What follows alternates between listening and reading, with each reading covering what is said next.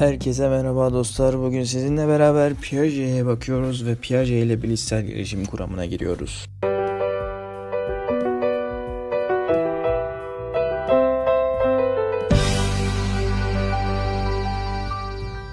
Bilişsel gelişimde en önemli faktör olgunlaşmadır demiş Piaget. Piaget için %80 olgunlaşma yani %80 kalıtım ve %20 çevre çok önemliydi. Bilişsel gelişim biyolojik temellidir demiş yani kalıtımı önemsemiştir. Ancak çevreyi yok saymamıştır. Ona göre değişik yaşlardaki bireylerin anlama ve bilme yapılarının farklı olduğunu vurgular. Bireyi bilgi kazanma sürecinde aktif olarak kabul etmiştir. Piaget zekayı çevreye uyum sağlayabilme yeteneği olarak tanımlamıştır. Piaget'e göre bilişsel gelişim, denge, dengesizlik ve yeniden denge olarak devam etmiştir. Piaget'e göre birey iki fonksiyonel değişmeze sahiptir. Adaptasyon ve örgütleme. Piaget'e göre zihinsel gelişimi etkileyen faktörler 5'e ayrılır. Bunlar 1. Olgunlaşma 2. Yaşantı, deneyim 3. Sosyal geçiş 4. Dengeleme ve 5. Örgütlemedir. Olgunlaşma, bilişsel gelişim biyolojik temellere dayalı bir süreçtir. Bilişsel gelişim, beyin ve sinir sisteminin olgunlaşmasına paralel olarak gelişir der. Mesela yeni doğan bir çocuk sadece refleksleriyle tepki verirken beyin ve sinir sistemi olgunlaştıkça reflekslerin yerini bilinçli tepkiler alır. İkinci olarak yaşantı vardı ve deneyim. Yani kişi ne kadar yaşantı zenginliği içinde büyürse o kadar fazla deneyim elde ederler. Sosyal etkileşim, geçiş yani kültürel aktarmada çocuğun kendi deneyimli dışında aileden, arkadaşlarından, öğretmeninden, televizyondan, kısacası bulunduğu tüm çevreden edindiği veriler.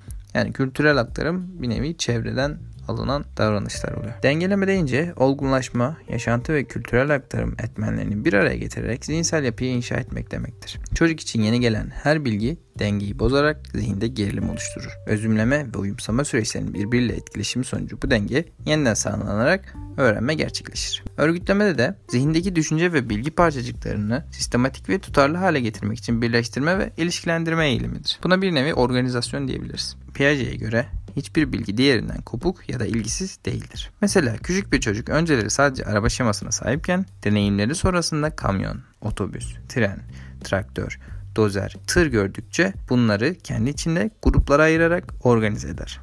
İş araçları, dozer, traktör, yük taşıtları, kamyon, tır, toplu taşıma araçları, otobüs, tren gibi çeşitli gruplara ayırır.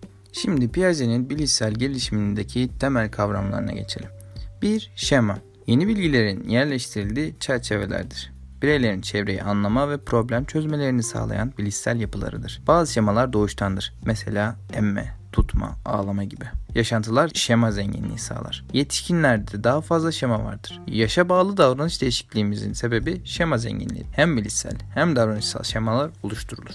Uyum sağlama. Bireyin şemalarını kullanarak çevreye uyum sağlamalısıdır ve 3 şekilde uyum sağlanır. 1. Özümleme 2. Uyumsama ve 3. Yok sayma olarak. Özümleme şöyle diyebiliriz. Şema içinde bir değişikliğe sebep olmaz. Öncelikle çocuk genelleme yapar. Mesela kedinin dört ayaklı bir hayvan olduğunu bilen yani kediyle ilgili bir şemaya sahip olan bir çocuk ilk defa gördüğü bütün dört ayaklı hayvanlara kedi der. Köpek olur, at olur, aslan olur, leopar olur. Bunların hepsine kedi der. Yani bunları özümler, genelleme yapar. Ama uyumsamada ise bunları farklı şemalara ayırır. Mesela hayatında ilk defa köpek gören bir çocuk zihnindeki mevcut kedi şemasına göre onu kedi olarak tanımlar. Özümlemeyi yaptı. Daha sonra köpeklere kedilere davrandığı gibi davranır. Mesela köpeğe yemesi için süt verir. Ancak onun havladığını, kemik yediğini görünce ayırt etmeye başlar ve köpeği kedi şemasından çıkarır. Ayrı bir köpek şeması oluşturur ve bu şema artık köpektir. Yani özümlemede genelleme yaptı ve uyumsamada ayırt etme yaptı. Püf noktamız bu.